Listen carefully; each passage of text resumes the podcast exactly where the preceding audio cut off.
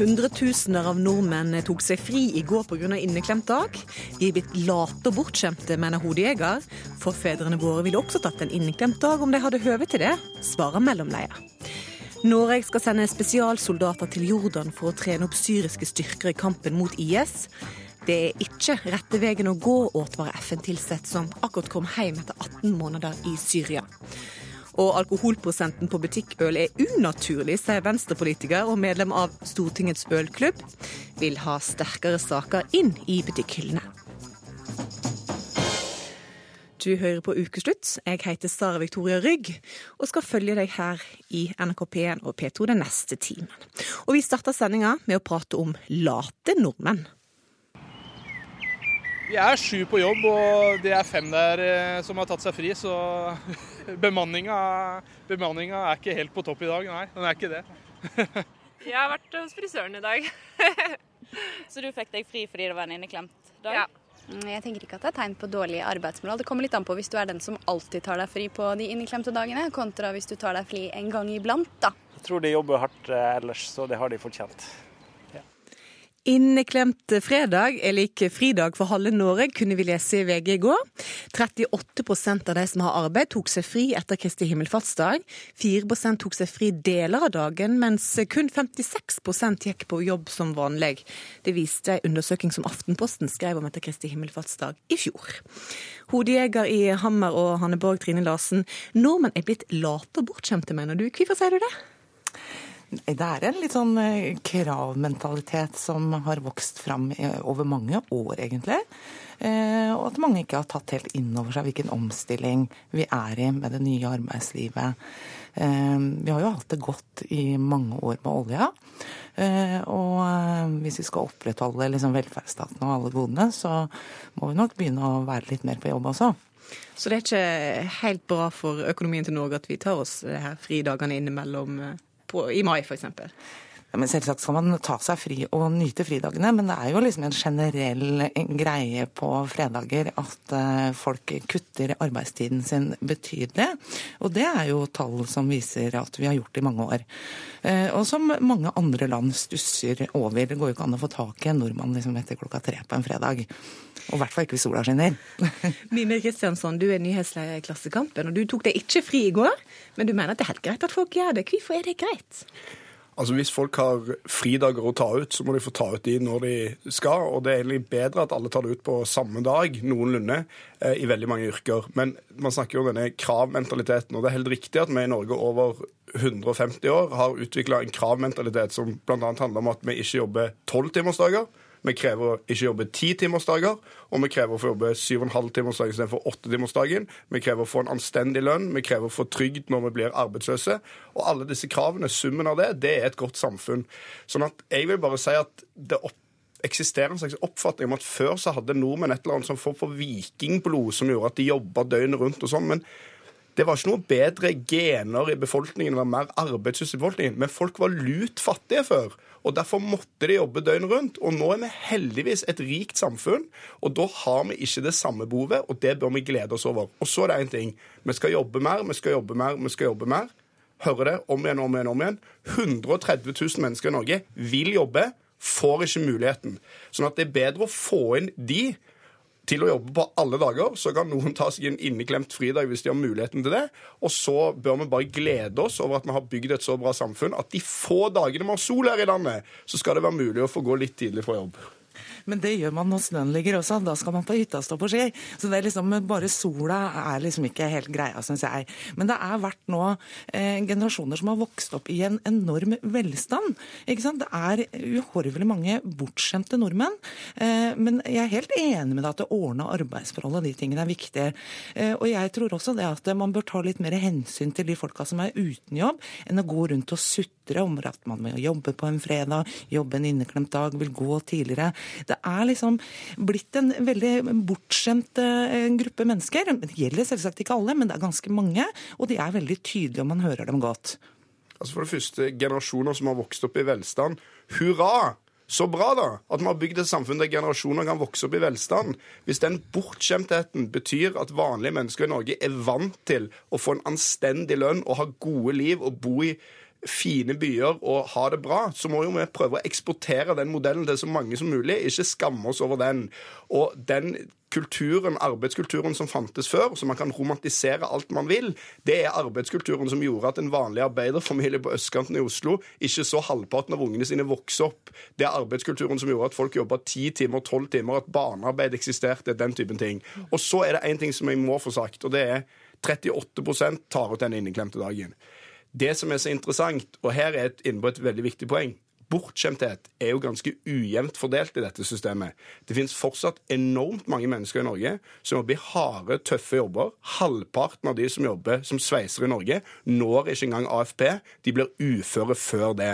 Så den gang vi skal gjøre noe med vårt arbeidsliv, så er det sikre at færre som jobber på kontor, tar seg noen tidlige fridager, at færre sjefer tar seg noen tidligere fridager, at færre hodejegere kanskje tar seg noen tidligere fridager, og at vi er litt greiere med de som tar de tunge, tunge skiftene i Helse-Norge eller i industrien. Ja, og Der ser vi at det er mange som jobber både helger og natt, og spesielt i Helse-Norge. Men det er mange kontorjobber. Og her er det også generasjoner som er oppvokst med foreldre som også tar mye fri og korter ned dagene sine. Og det er litt, Jeg møter over 1000 mennesker hvert år. Men det er mange jeg møter liksom første gang som lurer på liksom, hvor mange hjem, hjemmekontordager kan jeg ta, hvor mye ferie. Jeg hører folk som klager på kaffen i kantina. Sånn, de har ikke noe respekt for liksom, andre folk som også står utenfor arbeidslivet nå, som er kjempeviktig at man tar tak i. Men jeg mener helt klart at det er en del, stor gruppe nordmenn, som er veldig bortskjemte. Vi ser forskjell både til, se til Sverige, det er en helt annen arbeidskultur. Det er ikke rart at mange norske bedrifter vil ansette svensker. Vi jobber jo på en helt annen måte i dag enn det vi gjorde, som Mime Kristiansson viser til, forfedrene våre som sleit hardt. Vi, har, vi, har, vi kan sjekke mail hjemme på telefon når som helst. Mm. Er ikke det da greit at vi av og til ikke er på kontor eller er til stede eller kobler helt ut?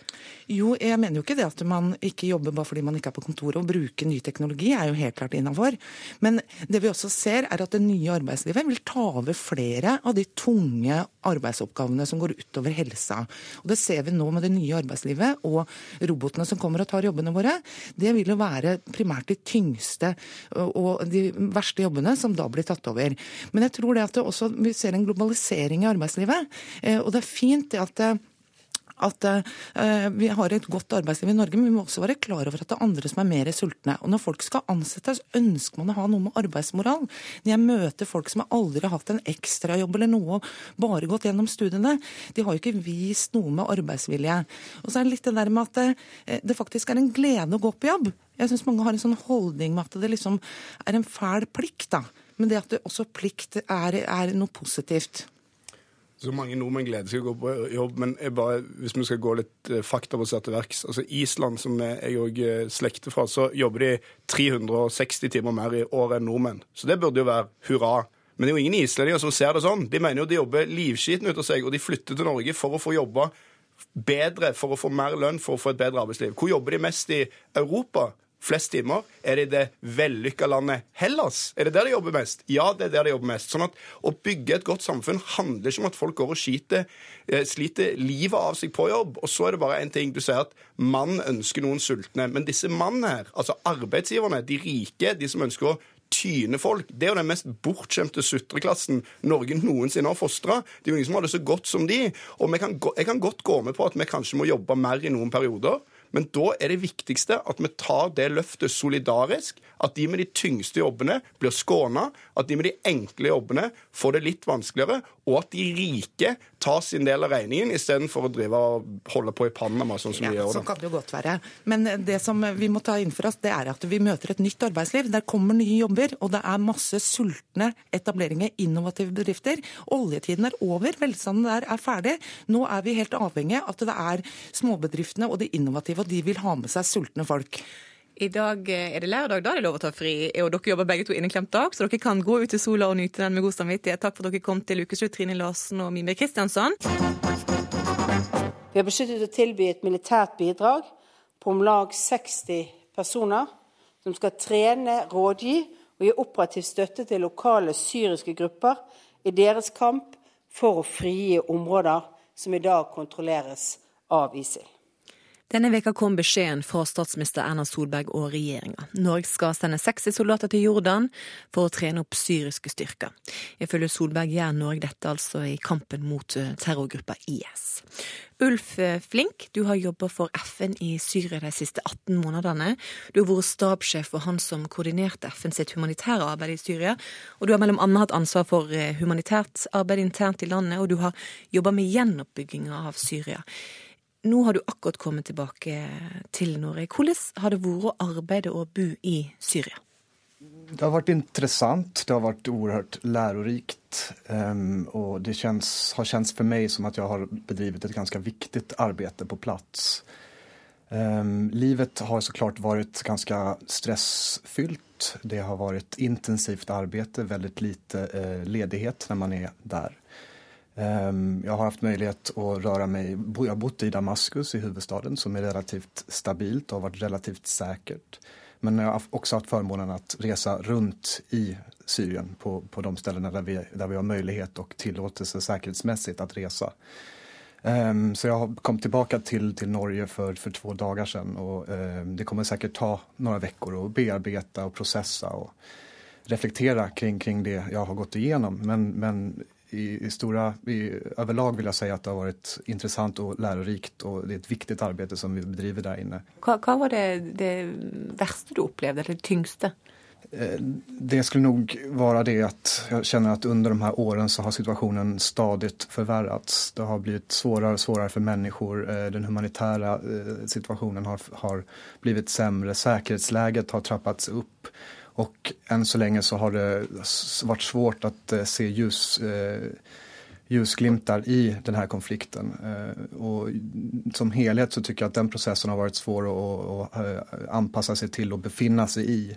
Där vi ändå är med FN och våra partners inne och bedriver ett väldigt viktigt arbete så känner jag ändå en, en viss frustration över att, att situationen har förvärrats för människorna på plats. Och det, det kommer jag ta med mig som en som en, en, en, en ganske stor utfordring når jeg går videre. Mm. Denne veka kom beskjeden om at Norge sender 60 soldater eh, som skal trene opp syriske styrker eh, som et ledd i kampen mot IS. Hva, hva tenker du om at Norge skal sende 60 soldater til Syria? Jag, fra, fra mitt perspektiv så skulle jeg forholde meg ganske så forsiktig eh, til den typen av militære og sikkerhetsmessige säkerhetsmässiga insatser. Um, USA och andra uh, länder har ju haft uh, liknande initiativ på plats, uh, träna upp oppositionsgrupper just med, på den militära sidan. Och än så länge så har vi inte sett några spesielt positive effekter av den typen av arbete. Det har vært veldig begrenset, og det har ja, ikke kanskje gitt de resultaten som, som mange av de her landene hadde villet se. Samtidigt ska vi också eh, minnas och, och, och, reflektera över att det är um, det är en så pass dynamisk konflikt som vi ändå ser i Syrien där uh, skiljelinjer oft, oftast eh, flyttar på sig från dag till dag. Och frågan är just vad sker med den typen av resurser och den typen av kapacitetsutveckling som Norge vill bedriva med identifierade grupper. Vad, vad sker med den typen av kompetens och den typen av utrustning? I en sånn typ av veldig dynamisk konfliktsituasjon. Jeg tror det kan være veldig svårt å eh, eh, hantera just kontroll i, i, i, den typen av, av lägen. Och sen så tror jeg også at det som man skal være veldig forsiktig med fra Norges sida, det er Eh, som, som, land er Norge eh, oerhört engagerat eh, både i det politiske arbeidet som bedrivs fra Genève med, med arbeidet kring Staffan de Mistura, den FNs spesielle sendebud til Syrien. Men, men Norge er även en, en väldigt viktig humanitär partner i denne konteksten. Och jag tror det er veldig svårt når man då även ska engagera sig eh, på det militärstrategiska och säkerhetsmässiga eh, på den plattformen så tror jeg det kan være svårt å holde især de olika mandaten man har, de olika rollerna som Norge vil spela i den här eh, väldigt svåra krisen. Mm. Så just derfor så, så, så, så, jag tycker att man ska vara väldigt försiktig när man, när man nu eh, väljer å gå inn. Mm. Eh, Syria har jo gått ut og fordømmer at Norge sender de her eh, spesialsoldatene. De mener at det er et brudd på deres suverenitet. Hva tenker du det kan føre til at Norge sender de? Det är en jätteviktig fråga. Jag tror också att det är en svår fråga. Jeg jag vill inte spekulera i vad som, vad som kan ske. Ehm, men eh, det, det är klart att det, det, läget, tonen skruvas, skruvas åt och det kan som jag sa tidigare få eventuella effekter på det viktiga arbetet som Norge bedriver eh, just med den politiska processen men även med det humanitära arbetet og och de insatser som Norge bedriver i, i, i Syrien. Och där, där, där så finns det, finns det kanskje en viss risk som man, som man da tar. Så Norge burde heller sette seg ned rundt forhandlingsbordet og bruke enda mer tid der enn, en eventuelt å sende da, eh, soldater? Det er min overbevisning i dag at, at just at skicka trupp Eh, inn i en såpass dynamisk konfliktmiljø ikke er produktivt, ikke kommer ha, nå den effekt som man ønsker. Så ja, jeg tror på den politiske dialogen og jeg tror på ett eh, större engagemang. Det har varit ett jättestort engagemang redan från, från Norge och andra, andra länder men, men där, det är där någonstans som, som insatsen måste göras. Takk til deg, Ulf Link, som altså har jobba for FN i Syria de siste 18 månedene, og som advarer Norge mot å sende styrker for å trene opp syriske soldater. Ukeslutt har vært i kontakt med Erna Solberg om å kommentere advaringa fra Flink. Hun ønsker ikke å stille til intervju i dag. Mengder med dop og anklager om voldtekt. Verste russefeiring noensinne, sier inspektør på Bergen skole. Russen har tradisjon tru skapt overskrifter også i år. Og medan noen mener at russekullet i år er det verste noensinne, prater andre om at russen aldri har vært snillere. Uansett, den store festen mange har gleda seg til i årevis, er nå i full gang. Og det er ikke bare tenåringer i overalder som går inn i mai fulle av forventninger.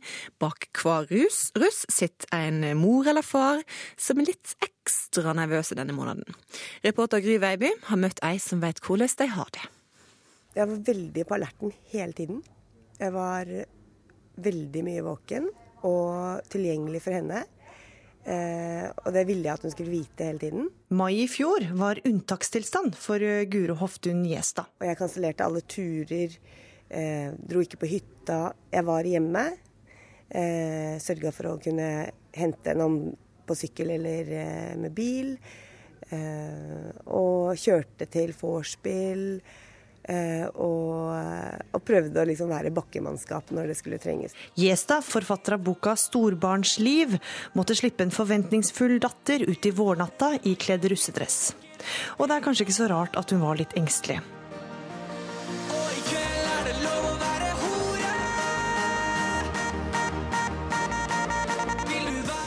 Fjorårets mest spilte russelåt var, tradisjonen tro, ikke akkurat med på å avkrefte russens noe frynsete rykte. Og i år er det et nytt kull foreldre som sover litt ekstra lett om natta. Tida da den stolte poden gikk i korps med nystrøket uniform, er over. Nå er det mange som ruster seg til å se et sjanglende avkom med hes stemme i 17. mai-toget. Men ifølge russen selv har foreldre ingenting å frykte. Foreldrene som er engstelige, hva har dere lyst til å si til dem? Ta det med ro. Slapp av. Er det ingenting å være bekymra for med hva dere kommer til å finne på? Ja, alltid en risk. Ja. Veit de hva dere driver med, eller? Ja, for så vidt. Ja, sier det sjøl. Ja, de får beskjed. Generasjon prestasjon er til og med utnevnt til å være den snilleste russen. To unge nyutsprungne russ, to ganske nylig tente bluss i 20 graders pluss. Føler ikke at er trang for å drikke hele tida. Uh, jeg drar egentlig bare for å være med vennene mine. Det er ikke sant jeg blir drita og går hjem. Men Det er bare sånn at vi er sammen og har det morsomt. Uh, så møter vi på andre venninner og så bare ser til at vi har det bra. Jeg føler på en måte det er litt press til å ha det gøy i Rustia. At du må på en måte alltid gjøre ting. Hvis du ikke gjør det, så går du glipp av noe. Men uh, det er litt sånn det blir hva du gjør det til selv. Hvis du er med på alt, så må du ta konsekvensene på skolen. Mens ja, det handler om å finne den balansen i hvert fall. Men det var en som mente at dere var den snilleste russen. Nei, ja, vi er vel det. Mm. Ja, det er uh... Nå er jo ikke mai ferdig ennå, da. Nei, det er sant. Det er fortsatt noen uker igjen. Det kryr av matpakkepapir og kaffekopper. Vi er på lærerværelset på Lambertseter videregående skole. Vi merker jo at det er mai når eh, elevene har på seg russedresser, da. Rektor Siv Jacobsen og lærerne Line Nordfjell og Martin Langvannslien har sort belte i russ. Også de bekrefter at russen slettes ikke er ille. Det er jo veldig varierende i, altså, i hvilken grad de, de fester. Altså, noen eh, er russ fullt ut og fester voldsomt mye, og noen av de har kanskje festet ganske mye resten av året òg. Mens noen fester litt, og, og noen er jo ikke russ i det hele tatt. Mm. Så at man liksom snakker om russen som en Mm. sånn eh, Mm. gruppe blir kanskje litt feil. Ja, det Eh, Store forskjeller. Det er jeg også enig Noen har altså. jo ikke en time fravær i hele mai. Nei, de aller fleste har det jo bare hyggelig og gøy. Eh, og så kjenner jo holdt jeg på å si, befolkningen veldig godt til at eh, musikken forstyrrer, og man hører russen når de kjører rundt og sånn, men eh, de aller, aller fleste har det jo bare hyggelig og gøy. Både Gjesta og datteren kom seg fint gjennom russetida. Pust med magen, ha store ører og liten munn, og ikke ta det personlig hvis det sies noe til deg som du blir litt såra for. Og så syns jeg det er kjempeviktig å ikke bare snakke om de foreldrene som ligger våkne og har et barn som er ute og ruller på en buss. Jeg tror at det er veldig mange russeforeldre som er minst like bekymra fordi barnet er på utsida. Og siden i går har over 20 000 russ vært samlet til fest på Lillehammer og i Stavanger. Politiet sier det forberedelser har gått relativt rolig for seg, og roser russen for god oppførsel. Du hører på Ukeslutt i NRK P1 og P2. Hold fram med det og hør at minoritetsjenter må leve frie liv, sier norsk-libanesiske Nancy Hertz. Men møter motstand fra kvinnene hun vil hjelpe. Det å ha all friheten, det hun jenta sier. Det er jo ikke alltid det beste. Og det er mai og tid for dugnad over hele landet. Topp, sier mannen som var med på å kåre dugnad til årets nasjonalord. Det virker som at dette brukket bein er eneste unnskyldninga for å droppe den sosiale rakinga, sukker hun som ikke liker dugnad.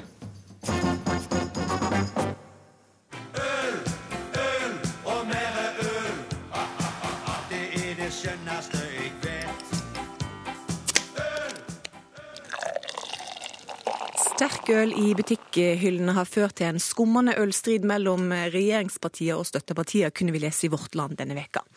Venstre vil at det skal være lov til å selge sterkøl i butikkene og få støtte fra Frp, men Høyre, som først sa ja, ombestemte seg og sier nå nei med støtte fra KrF. Og slikt blir det diskusjon av. Helseminister Bent Høie mener forslaget kan undergrave Vinmonopolets rolle som alkoholpolitisk virkemiddel.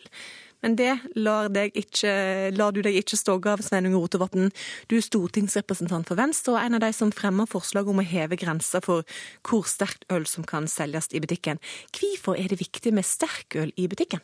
Det var jo sterkøl i butikkene før, eh, fram til 90-tallet, da Stortinget stramma inn, uvisst av hva årsak.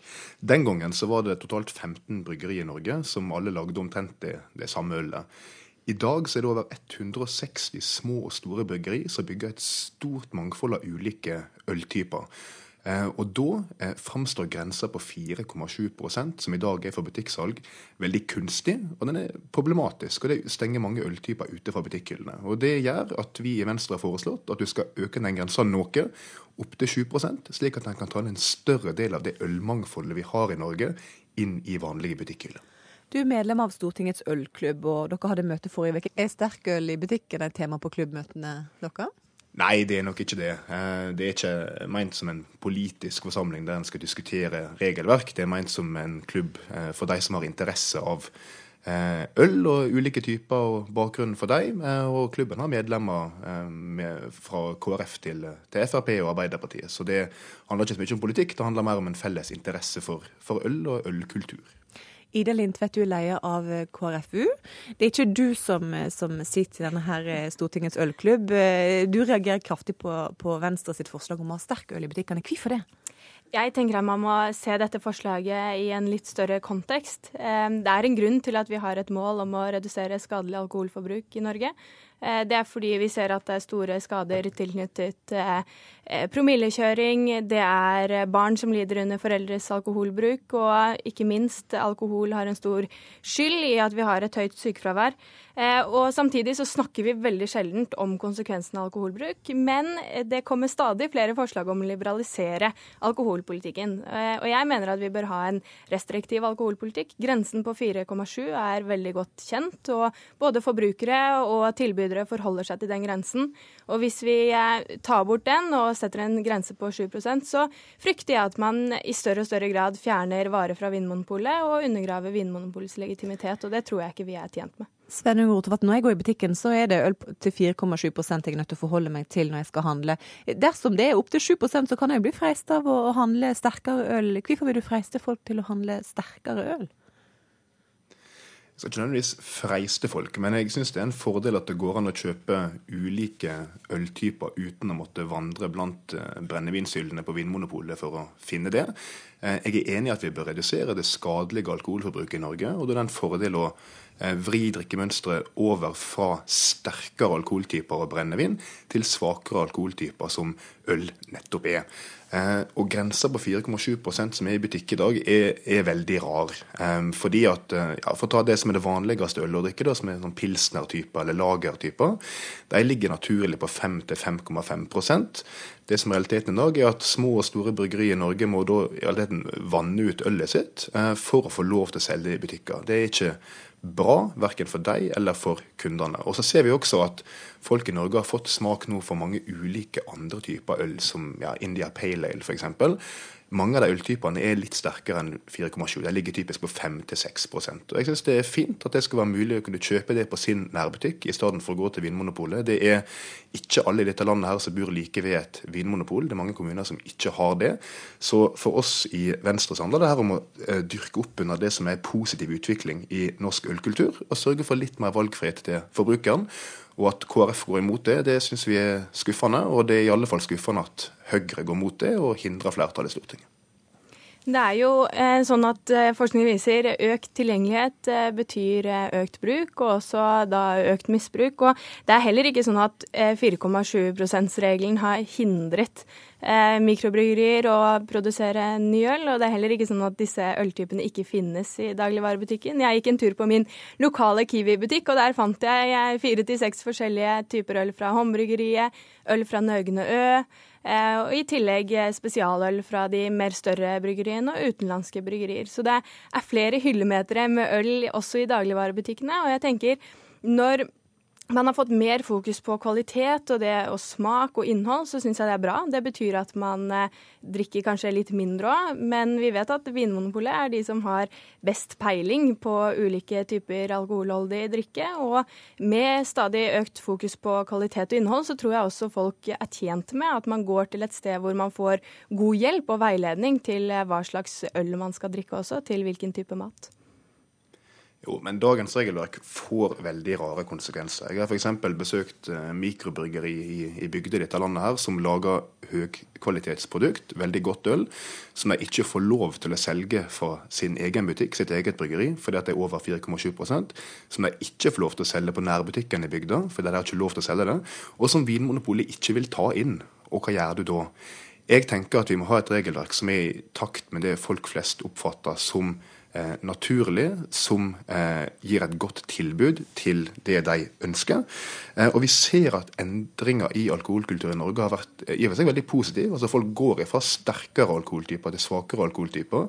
Og det å styrke opp om det ytterligere ved at eh, en full bredde av øltyper kan være tilgjengelig på butikker, i stedet for at du må gå langs brennevinshyllene til Vinmonopolet for å finne dem, det tror jeg er veldig positivt. Dette er jo det som er praksis i mange andre land. Og jeg syns det er et naturlig neste steg å utvikle en eh, alkoholpolitikk i Norge som er kunnskapsbasert, som gir folk et tilbud de er fornøyd med, og som gir et godt tilbud i hele landet. Er ikke det positivt at folk går i butikken og handler en øl til 7 istedenfor å gå på Vinmonopolet og eventuelt kjøpe seg brennevin eller en vin til 14 Jo, helt klart, men jeg tror ikke alternativet for dem som skal ha tak i en sterkøl, er å kjøpe brennevin istedenfor.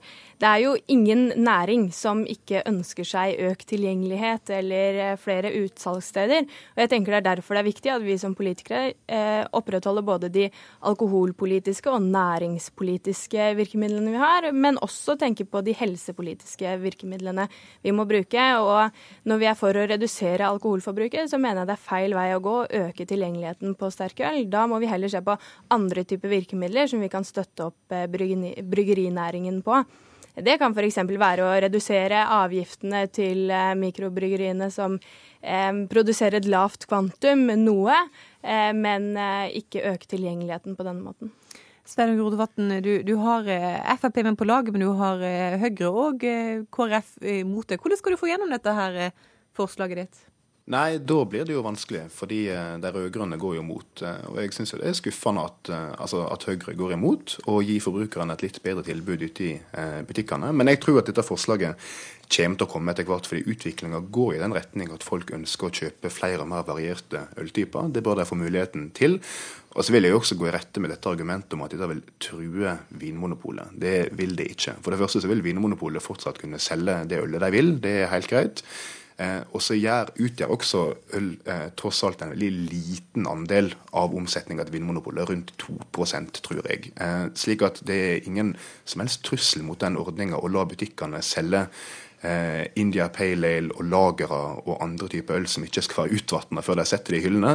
Dette er egentlig vinn-vinn for alle, og det gir folk over hele landet et litt bedre tilbud. Eh, og jeg tror at dette er noe de aller fleste er veldig positive til. Jeg tror det var positivt for den blomstrende næringa vi ser av nye mikrobryggeri over hele landet. Så at Stortinget sier nei til forslaget fra Venstre, det syns jeg er skuffende. Men jeg tror og håper at det kommer til å få gjennomslag etter hvert. Jeg syns ikke det er noe overraskelse at stortingsflertallet setter eh, helse foran eh, økt alkoholkonsum. Det syns jeg bare er rett og rimelig. Og når du skal ha neste ølmøte i, i Stortingets ølklubb, Steinar Rotevatn, går du da på butikken og kjøper svakøl, eller tar du en tur på polet? Eh, vi, vi får nå se. Jeg vet ikke når neste møte i ølklubben er, men der sitter det folk fra alle mulige partier på Stortinget som syns det er eh, kjekt å kunne nyte kvalitetsprodukt sammen og lære om dem. Det tror jeg er noe som alle i Norge bør eh, ha muligheten til å gjøre, og det blir enklere dersom en kan kjøpe ulike typer øl også på nærbutikken. og det håper tror jeg at også blir en realitet i framtiden. Takk til deg, Sveinung Rotevatn, og til deg, Ida Lindtvedt. Vi er de skamløse arabiske jentene, og vår tid er nå. Det skrev norsk-libanesiske Nancy Hertz i et leserinnlegg, og setter dermed fyr på debatten om minoritetsmiljøet. Flere har takka Hertz for at hun har kjempa deres sak mot undertrykking. Andre mener det ikke er nødvendig med et opprør blant minoritetsjenter i Norge. Reporter Kari Li var med da Hertz traff forbildet sitt, Arbeiderpartipolitiker Hadia Tajik. Ja, Et skamløs dag på Stortinget. Det hadde vært noe. Det syns jeg er en god idé. Hadia Tajik liker ideen om en skamløs dag på Stortinget. Jeg tenker Det viktigste for oss er jo at dette ikke skal være noe som er inn nå, og så snakker man om det, og så dabber det av om to uker. Vi er på kontoret til Arbeiderpartiets nestleder, hvor Nancy Hertz fra Haugesund har fått audiens. Men eh, vi prøver å vise andre jenter at det er mulig, og at liksom Det er ikke noe skam i å være Det er ikke farlig å utfordre, ikke sant? selv om det føles litt skummelt å stå imot de som står deg mest nær. Sofias Ror fra Nøtterøy er også med. Det er også viktig at eh, de jentene som står imot ukulturen, at de ikke føler seg aleine, og at de ikke bryter med familien sin. Venninnene med bakgrunn fra Libanon er blitt mye omtalt den siste tida. Vi er de skamløse arabiske jentene. Det skriver Nancy Hertz i en kronikk i Aftenposten. Jeg var ganske sint da jeg skrev dette innlegget, og jeg tror det vises. Men jeg tenker det er på tide å bli forbanna. I innlegget i Aftenposten beskriver Nancy hvordan jenter må bære skam og ære i minoritetsmiljøer. Eh, Da handler det jo først og fremst om eh, vanlige jenter, vanlige familier, der bl.a. særlig jentene da ikke kan være den de er, fordi de f.eks. blir enten liksom pusha eller oppfordra eller tvunget til å gifte seg med noen spesielle, eller ta, ta en utdannelse som foreldrene vil de skal ha, ikke den de sjøl vil de skal ha. Og at de ikke får lov til å være seg sjøl, rett og slett, og ikke får lov til å leve sine liv to the fullest. Eh, At man ikke har selvstyre. At man ikke selv styrer livet sitt. Sofia skriver også leserinnlegg om sosial kontroll av jenter. Eh, Det at jeg går med hijaben min sånn, det er skammelig. Muslimen Sofia får kritikk. At jeg viser litt hår sånn ut av hijaben, at jeg ikke dekker til alt håret. At jeg har den såpass avslappet rundt hodet. Eh, og det at jeg blir kalt for vestlig, det er også skammelig. For da har jeg på en måte, Og det å falle utenfor en kultur, sin kultur og sitt miljø og sin tro, det er også skammelig. Men det er Nancy med det bølgete, lange håret som har fått mest tyn. Det blir dumt. Det som blir dumt med slike artikler som denne, er at jenter prøver å svartmale det muslimske miljøet. Nancy scroller nedover mobilskjermen og leser høyt fra en av de mange kommentarene hun har fått. Selvfølgelig blir du hata for å forlate islam, men mest av alt blir du hata fordi du vil at andre skal være som deg. Skamløs. Enkelte av mennene som skriver til henne, hinter om dødsstraff fordi Nancy er blitt ateist. Det treffes med døden der sharia praktiseres. Men det gjør da ikke noe? Det er jo ikke disse som skremmer oss, de er jo idioter. Det verste er jo dette her ryktet, samfunnet. og liksom, Nå skal vi spre et rykte om ei jente, eller liksom, følge etter henne og se hvor hun er og hva hun gjør, og fortelle foreldrene om det. Det er jo det som er det verste. Liksom, jeg vet om jenter som skvetter når de ser en taxi, fordi alle liksom for det er så mange minoriteter da, som kjører taxi. Altså De er redd for at noen kjenner foreldrene deres, eller kjenner noen som kjenner noen. De er liksom livredd for å bli sett liksom, i byen alene, eller bli sett med en gutt, eller eh, med venner som familien ikke aksepterer som venner. Da. Det er jo snakk om da å endre en hel kultur. Eh, hvordan skal dere klare det? Jeg sier ofte det er en slags seksuell revolusjon mot ukultur.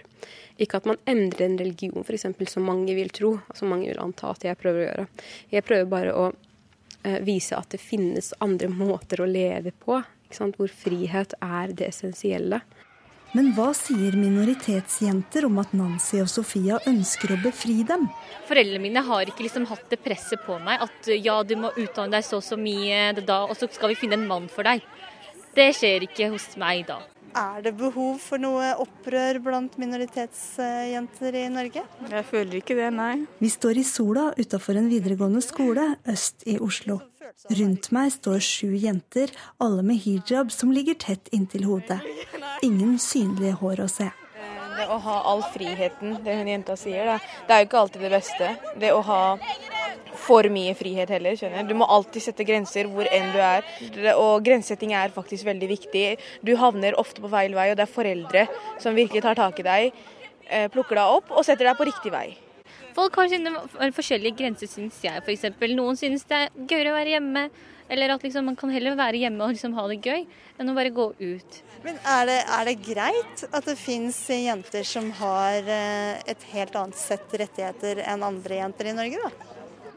Men jeg mener ikke at um, de har mindre rettigheter, for du kan jo gjøre hva du vil. Men som muslimske kvinner, vi kan ikke akkurat liksom gå og feste og drikke og alt det der. Så de på en måte føler jo seg at de blir kanskje innestengt. Fint. Vi rekker bildet. Ja. Nancy og Sofia fotograferes sammen med forbildet Hadia Tajik. Jeg tror ikke det er kostnadsfritt å, eh, å være en eh, ung kvinne som bryter lydmuren, sånn som begge disse to damene her gjør. Eh, man kan få ganske mange negative reaksjoner, men de står jo støtt og har åpenbart veldig sterk ryggrad. Og på den måten så er de forbilder, og de er til inspirasjon òg for meg. Du sier, du sier jo veldig fine ting om oss, at vi er forbilder, men f.eks. For du har jo vært et forbilde for oss igjen. Vi hadde kanskje ikke turt hvis ikke du hadde vært for et bilde, sånn for å være helt ærlig. Det var veldig så. hyggelig sagt av dere. Så er audiensen over, men Tajik lover å holde kontakt med jentene. Da tror jeg vi har en plan. Yes. Tusen takk. Du fikk jo nesten en avtale, gjorde du ikke det? Ja, vi gjorde nesten det. Herlig. Nå skal vi ha skamløs dag på Stortinget. Er det riktig av dere å anta at det er mange muslimske jenter som er undertrykt, eller? Uh, ja, for vi kjenner jo til andre jenter som er det, og jeg tenker én er jo én for mye. Og jeg vet at det i hvert fall ikke er én, mm. og ikke bare ti. Og kanskje ikke bare hundre engang. Uh, for uh, responsen vi har jo fått, er jo at vi sier det folk mener, og at det er mange som kjenner seg igjen, da at det er noen der ute som på en måte opplever dette her. Det er det som gjør det til et problem, og vi må behandle det som det problemet det er. Vi kan ikke fortsette å ignorere alt det her. Det handler om liv, ikke sant.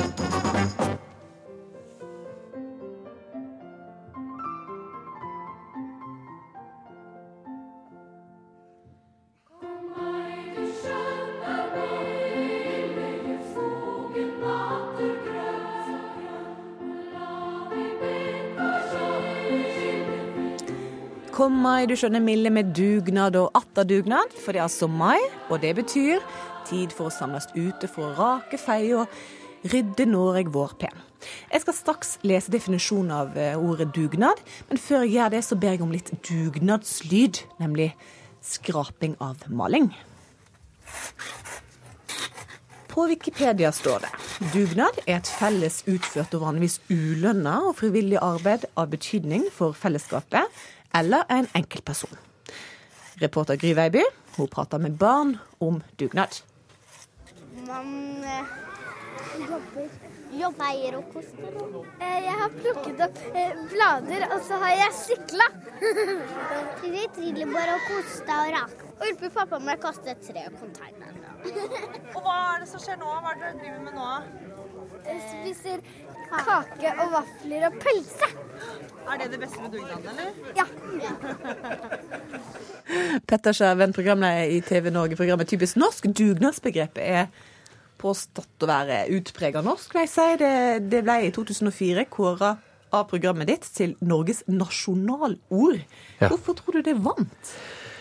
Eh, Det er ikke godt å si. Vi har vel en slags tendens til å identifisere oss med det ordet, fordi det, det oppleves som veldig særnorsk. og det er veldig, eh, Hvis du går rundt i Mellom-Europa, så vil du finne få tilsvarende helt sånne eh, frivillige, systematisk organiserte uh, arbeidsøkter. Så, så jeg tror vi syns det er liksom litt stas det der at vi er en dugnadsnasjon, og at vi knytter et eller annet ved selvfølelsen vår til, til det begrepet. Det tror jeg nok. Hva ord vant det foran? Nei, det var, vi hadde flere kandidater. Det var jo Kjell, den gang statsminister Kjell Magne Bondevik som var den stolte konvoluttåpner. Og han var veldig fornøyd, han, med dugnad som vinner, foran eh, det vi i Typisk norsk-redaksjonen kalte for astmatisk bekreftelse, eller ja! Det er altså et veldig, veldig særnorsk eh, ord. Ja! Ja, Det finner du ikke noen andre steder. Eh, og så vant det foran matpakke eh, og hæ, mener jeg. Og så var det siste koselig. Det var vel de fem som var i finalen. Hvilket forhold har du til dugnad? Jeg har et tett og nært eh, forhold til dugnad. Eh, Jeg er glad i dugnad, har arrangert dugnad, eh, stiller gjerne i dugnad. eh, Men har selvfølgelig også et eh, tidvis litt anstrengt forhold til dugnad. Hege Bjørnsdatter Båten, for noen år siden så skrev du et innlegg i Nettavisen med tittelen 'Jeg liker ikke dugnad'. Hvorfor liker du ikke dugnad? Eh, Jeg tror jeg kanskje snakker på vegne av ganske mange som eh, bor i borettslag rundt omkring, som syns det er veldig kjedelig, og som ikke helt ser intensjonen med at man skal drive og rake på en plen eller plante ut noen planter på borettslagets felles eiendom. Men vi har jo vaktmester. Hvorfor skal jeg gjøre det her? Og så må jeg understreke at det er jo ikke den frivilligheten eh, jeg er mot, for jeg er veldig glad i frivillig arbeid. Men det er den derre pålagte dugnaden som jeg opplever det er. Ja, For du føler at eh, dugnad ikke nødvendigvis er frivillig? Det er litt Nei, det er jo akkurat det jeg syns det, ikke er. Eh, Jeg leste på, på Justorget så sto det litt om dugnad og hvordan borettslag skal forholde seg til dugnad. Eh, Og nederst i den artikkelen så sto det at um, det, det er ikke lov å straffe noen for å ikke delta på dugnad, men det er kanskje straff nok å se de bebreidende blikkene fra øvrigheten. Og det syns jeg er veldig beskrivende. At det, det er ikke innafor å gå forbi eh, og gå og sette seg inn i leiligheten sin og se på TV, mens de andre er ute og rydder eh, bakgården. Du skal ha ganske god grunn da, for å ikke være med. Jeg tror kanskje et brekt bein eller eh, sykemelding hadde vært innafor, men Pål Kjetil Botva, du er forsker ved KIFO, Institutt for kirke-, religions- og livssynsforskning, og du har forska på frivillig arbeid, bl.a. dugnad. Hva reaksjoner møtes folk som dropper dugnaden med? Det er moralske sanksjoner knyttet til dette hvis man ikke stiller opp. Det, så det er en viktig motivasjonsfaktor, nettopp dette moralske, at det er en plikt. Man føler at det er en plikt å stille opp. Men det er også andre motiver. da, Man får gjerne noe igjen. så De fleste av oss har jo vært med på dette og har både positive og negative opplevelser. Men de fleste har også en følelse av at dette var litt godt, å gjøre noe sammen med andre. Og det er også dette sosiale aspektet er veldig viktig, egentlig hele definisjonen av dugnad. At man skal gjøre noe sosialt sammen. Og man skal treffes ansikt til ansikt. Eh, Så det er en type frivillighet som er eh, litt spesiell. Man er ikke så veldig effektiv. Eh, Man kunne jo satt bort dette og gjort det mer effektivt. Eh, Så det er ikke, det er jo ikke økonomien i det. Eller sånt. Mye skravling og båleting. Ja, og så er det mye det som heter sosial loffing. Altså, det er veldig mange som bare sluntrer unna uten å, da gå forbi eller, eller sitte i leiligheten, men de sluntrer unna ved å ikke egentlig gjøre noe. Fordi det er ikke så veldig synlig, det de gjør. Så, så det er, en, det er jo mer et sosialt aspekt enn det egentlig er et sånt effektivt. Er ikke det litt trist å gå glipp av den, den der nasjonale lagånden?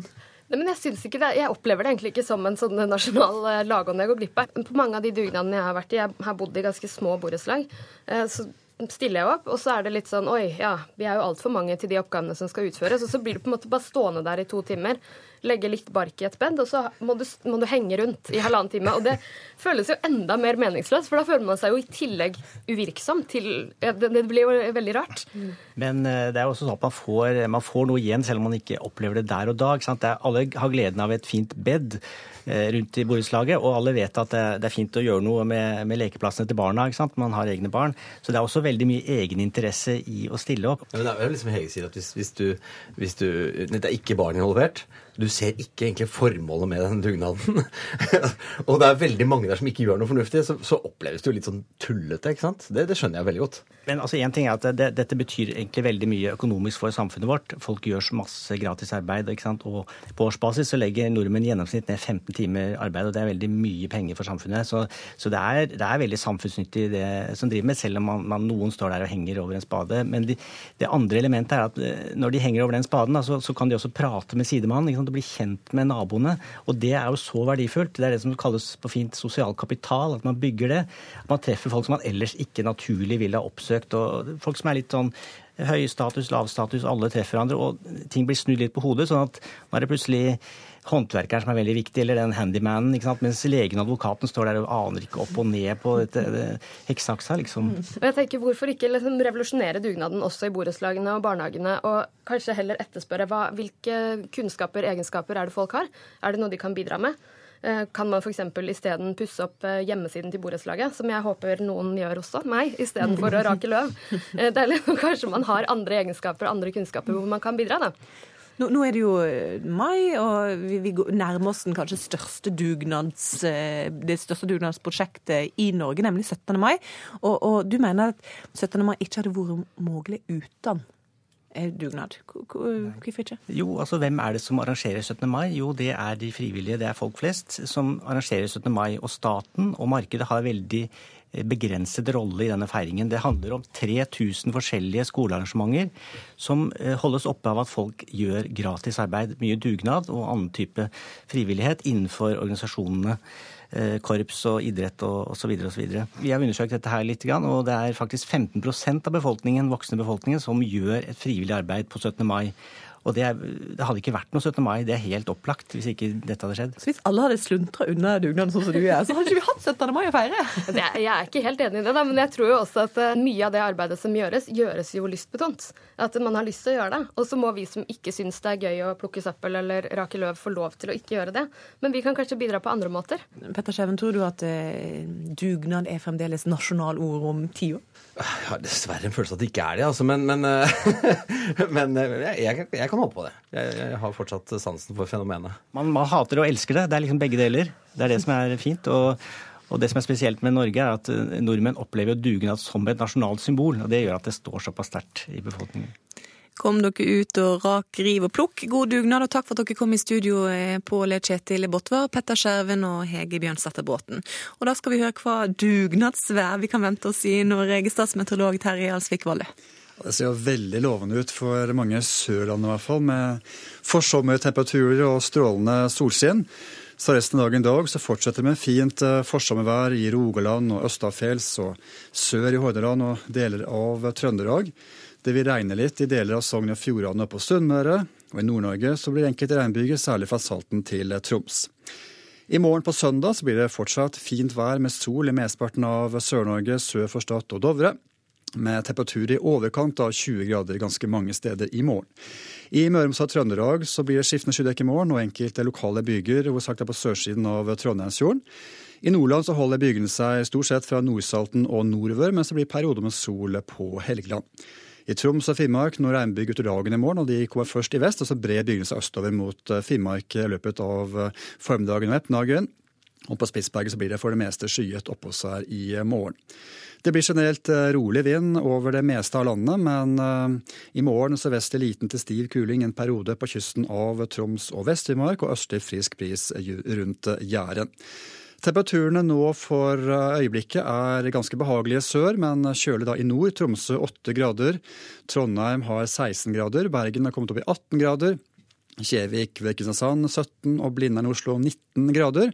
Aller varmest i landet det er det ved Sola flyplass ved Stavanger, som har kommet opp i hele 23 deilige grader. Ukeslutt er over for i dag. Ansvarlig for sendinga var Åsa Vartdal. Mari Anne Myrhol styrte teknikken, og jeg heter Sara Victoria Rygg. God helg.